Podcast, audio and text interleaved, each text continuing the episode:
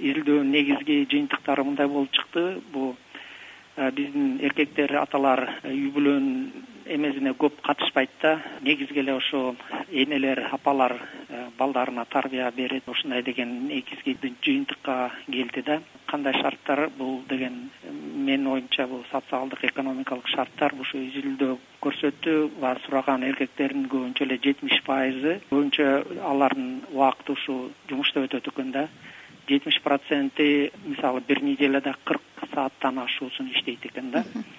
Өсүп келаткан балдар кыздар балдар ушу өзүнүн ата энесин баягы как как пример көрбөй жатат да. Ушу эмнеге эмне себептен ушинтип ойлошот деген суроо берилдиби? Андай суроо берилген жок бирок биз балдарын багыш керек семьясын багыш керек. Ошон үчүн алар э, баягы үй бүлөнүн эмесине көп катышпайт да. Э, балдарына э, жанагы өзүнүн убакытын бөлбөйт алардын ден соолугу кандай болуп атат экенин билбейт алар менен ойнобойт Э, тарбиясына тарбиясын бербейт. Ушундай да. Ошон үчүн э, менин оюм ушундай э, жыйынтыктар болуп келип атат да. Ошол эле сурамжылооңуздарда мындай дагы сан бар экен да. Кыздардын сурамжылоого катышкан кыздардын кырк үч пайызы өздөрүнүн болочок күйөөлөрүн атасына окшош болуусун каалашпайт дегенчи. Ооба туура. Бул дагы ошол тарбия берүүдөгү мындай салымы жоктугунанбы же баягы ажырашуулар коомчулукта көп болуп атканы ушуга себеппи же э, үй бүлөдө зордук зомбулук болгон үчүн ушинтип ойлошобу? Туура ошо биринчиден сиз айтып кеткендей аталар ушу тарбиясына көп катышпайт да көп салымы жок. Биринчиден анан жанагы разводдор да көп болуп атат э, негизги себептер да негизги себептер. Анан кийин э, биздин изилдөө дагы мындай бир жакшы жыйынтык көрсөттү баягы убакытын бөлүп балдары менен ойноп тиги аялынын э, ден соолугуна кам көргөн э, аталар эркектер э, ошолорго мисалы өзүнүн кыздары ошо жакшы эме отношение кылат экен да. Ошондой аталарга жанагы өзүнүн келечектеги күйөөлөрү ошондой болсо экен деп айтат экен да.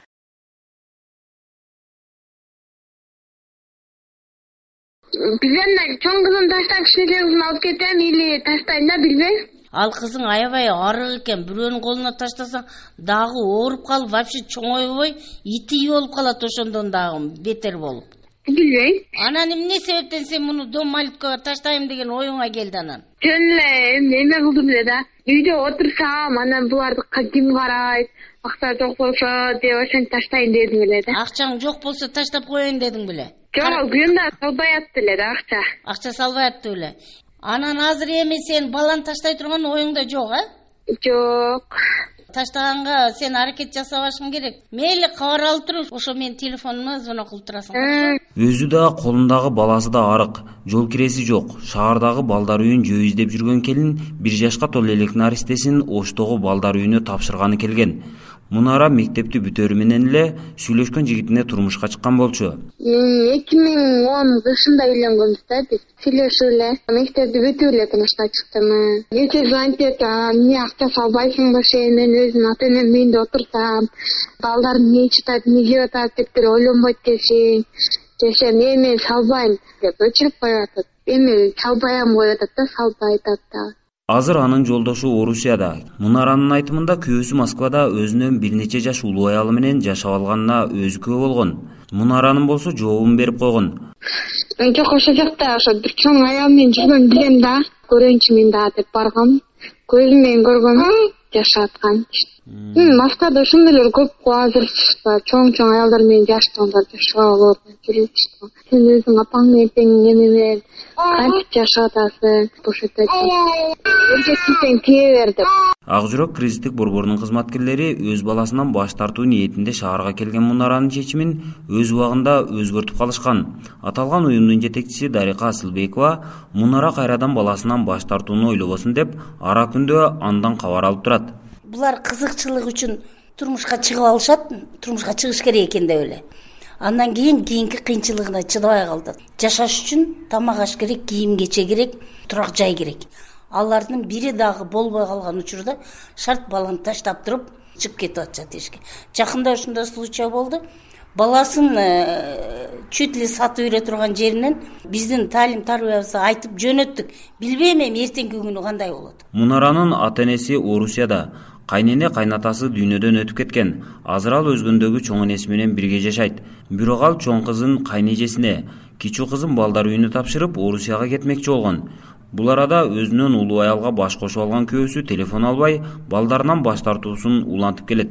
Укук коргоочулар мунун баары эрте үйлөнүүнүн кесепети дешет. Ыдырыс исаков азаттык ош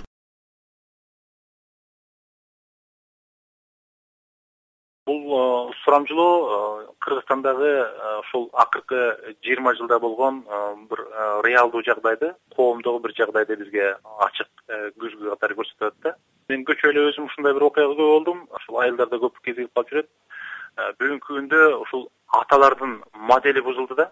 Себеп дегенде эң бала үчүн ошол ата модель боло турган болсо кыз үчүн эне модель болот да. Айылда шаар жеринде ушундай бир аталар бар. Э, алар өздөрүнө ээ чыга албай калышкан да. Э, мисалы үчүн энесинин э, же ошол үйдөгү ошол апасы же өзүнүн аялы көзү мындай болсо эле чыгып ичип мындай кандай бир деңгээлде бул баягы бир жүгөн салынган атка окшоп калган учурлар бар да. Бул өтө чоң жагдай да демек ошол эркек өзүнүн ушул эркектик эрктүүлүгүн өзүнүн бир адамдык ушунчалык баягы бир өзүнүн баягы жүрүм турумундагы ошол так бир ошол эркекке мүнөздүү бир сапаттарды жоготкон мезгилде бул э, менин оюмча атанын дагы баланын дагы чоң кыргыздагы трагедиясы себеп дегенде ошонун модели бузулуп калып атат дагы анан э, ошол балдар э, ата энесинен уялып калган мезгилде. Ошол ата энесинин атасынын ичкенин ошентип жетегинде жүргөнүн ошол көргөндө ошол балдардын ошол намыстангандыгы бала үчүн абдан бир чоң оор сокку да. Мындай балдар ушул ичинен чоңоюп калганда кичине баласына атасына кол көтөргөнгө чейин барышы мүмкүн. Баланын ошол мектепке чейинки мезгилинде алгачкы ушул мектеп партасында отуруп баягы мектепте окуй баштаган мезгилде ар бир бала үчүн бул атасы идеал болуш керек да. Бала үчүн андан атасынан ошончолук бир э, таза ушунчалык ийгиликтүү абдан бир кандай бир деңгээлде шаңдуу атасы баласына ушунчалык көп нерсени үйрөткөн бул негизги үлгү болуш керек. Ал эгерде үлгү болуудан калса баланын астында эгерде ата ата да болобу эне да болобу авторитетин жоготсо бул ата үчүн дагы бала үчүн дагы чоң бир трагедия болуп эсептелет да. Ошол эле учурда мына сурамжылоого катышкан кыздардын кырк үч пайызы алардын болочок күйөөсү өзүнүн атасына окшош болушун каалашпайт экен да. Бул дагы баягы үй бүлөдөгү зордук зомбулук же болбосо аялга кол көтөрүү анан ажырашуунун көп болуп аткандыгы дагы себеп деп айтсак болобу? Э, сөзсүз да вот э, көрүп атасыздар ошол э, кыздар үчүн дагы себеп дегенде ошол кыздар дагы ошол болочоктогу өзүнүн жолдошторун тандоодо дагы ошол үй бүлөлүк тажрыйбадан улам дагы ошол үйдөгү бир жагдайды сөзсүз түрдө эске алат да бул өзүнүн сөзсүз түрдө анын бир бир таасири тиет да. Анан ошол кырк үч пайыз кыздардын ошол жолдошторунун болочоктогу жолдошторунун атасына окшош болгондугун каалабагандыгынын өзү демек кыргызстанда болжолдуу ошол ошол элүү пайызга чейин э, аталарда үй бүлөдө ушул гармониянын жоктугун билгизет да бул демек ошол үйдө гармония жок. Э, же болбосо атасы э, ошол баласы менен өзүнүн кызы менен дос боло алган эмес да ошол кызынын жан дүйнөсүнө кызынын дүйнө таанымына каршы келген кыймыл аракеттерди жүрүм турумду ошол өзүнүн эле жашоо жолу ошого туура келбейт деген сөз. Эгерде мисалы үчүн эгерде мындай нормалдуу үй бүлөлөрдө үйдөгү гармония бар үй бүлөлөрдө мындай болушу мүмкүн эмес да. Демек э, бүгүнкү күндө кыргыз үй бүлөсү кризистин туу чокусунда турат деген бир чоң бир белги чоң бир коңгуроо да бул а деги эле үлгүлүү ата деген ким? Кандай болушу керек өзү? Бүгүнкү күндө мындай бир кээ бир учурда мындай жагдайлар бар да. Э, ашыкча э, диндар же болбосо бир баягы жанагындай ашыкча эле бир тартипти талап кылган аталарда өзгөчө талапчыл болушат да алар балдарга талапчыл болушат дагы э, тартипти балдардын тил алчаактыгын биринчи коет да.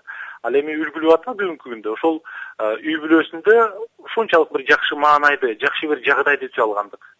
Ошол үйдө атасы болгон моментте ошол э, баласы ошол атасын кандай бир дагы мен менен көбүрөөк убакыт болсо экен. Атам менен дагы көбүрөөк убакыт өткөзсөм экен деп аткан жагдайдын өзү ошол үй бүлөдө бала менен атанын ортосунда жакшы бир жагдайдын болгондугунун өзү да үлгүлүү ата өзүнүн иши менен мамилеси менен үй бүлөдөгү бир кандай бир деңгээлде карым катнашы менен башкалар менен баарлашы менен э, кылган жумушу менен эгерде үлгү боло калса бул үлгүлүү үй бүлө да негизинен эң негизги үлгүлүүлүктүн эгерде ата менен баланын ортосундагы мамиледе бул негизги бир жагдай ошолордун ортосундагы жанагындай талапчыл мамиле эмес гармониялык мамиле. Тилекке каршы э, каныкүл көп ата энелер тилекке каршы ошол биологиялык ата эне болуу менен чектелип атат да. Ата эне болууну биз үйрөнбөй атабыз тилекке каршы бизде баягы мындай ата болдум деп эле анан кийин ошону менен чектелип калып атат. Баягы э, көп аталарда мындай тайкы түшүнүк бар дагы өзүнүн гана мындай алган жолун дүйнөлүк көз карашын таң улап э, гармонияны эмес